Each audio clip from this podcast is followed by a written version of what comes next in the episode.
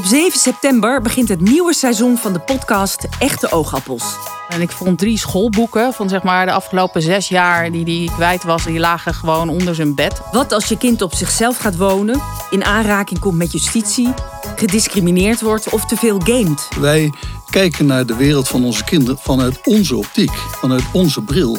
Maar die bril hebben ze nog niet. Dus jij bent het product van je ouders. En de kans dat jij ongeveer hetzelfde lijf krijgt als jouw ouders is heel erg groot. En mijn ouders halen het ook elke keer tegen mij van ja, als je echt hulp nodig hebt, moet je gewoon komen. Maar ik zou heel erg bang zijn dat mijn ouders zich te veel zorgen gaan maken als ik ziek zou zijn of iets in die richting. Dus uh, op 13 jaar kwam ik in Eikenstein uh, tussen de zware criminelen. Nou ja, een jaar later zat ik voor een gewapende overval. We weten allemaal toen we zelf in de puberteit zaten dat je wat impulsiever bent. En we zijn het leven ook aan het ontdekken. Dus je gaat ook grenzen opzoeken.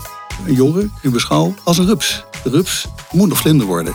En als je hem omhoog gooit en zegt vlieg, dan kan dat niet. Met experts en jongeren gaan we het gesprek aan.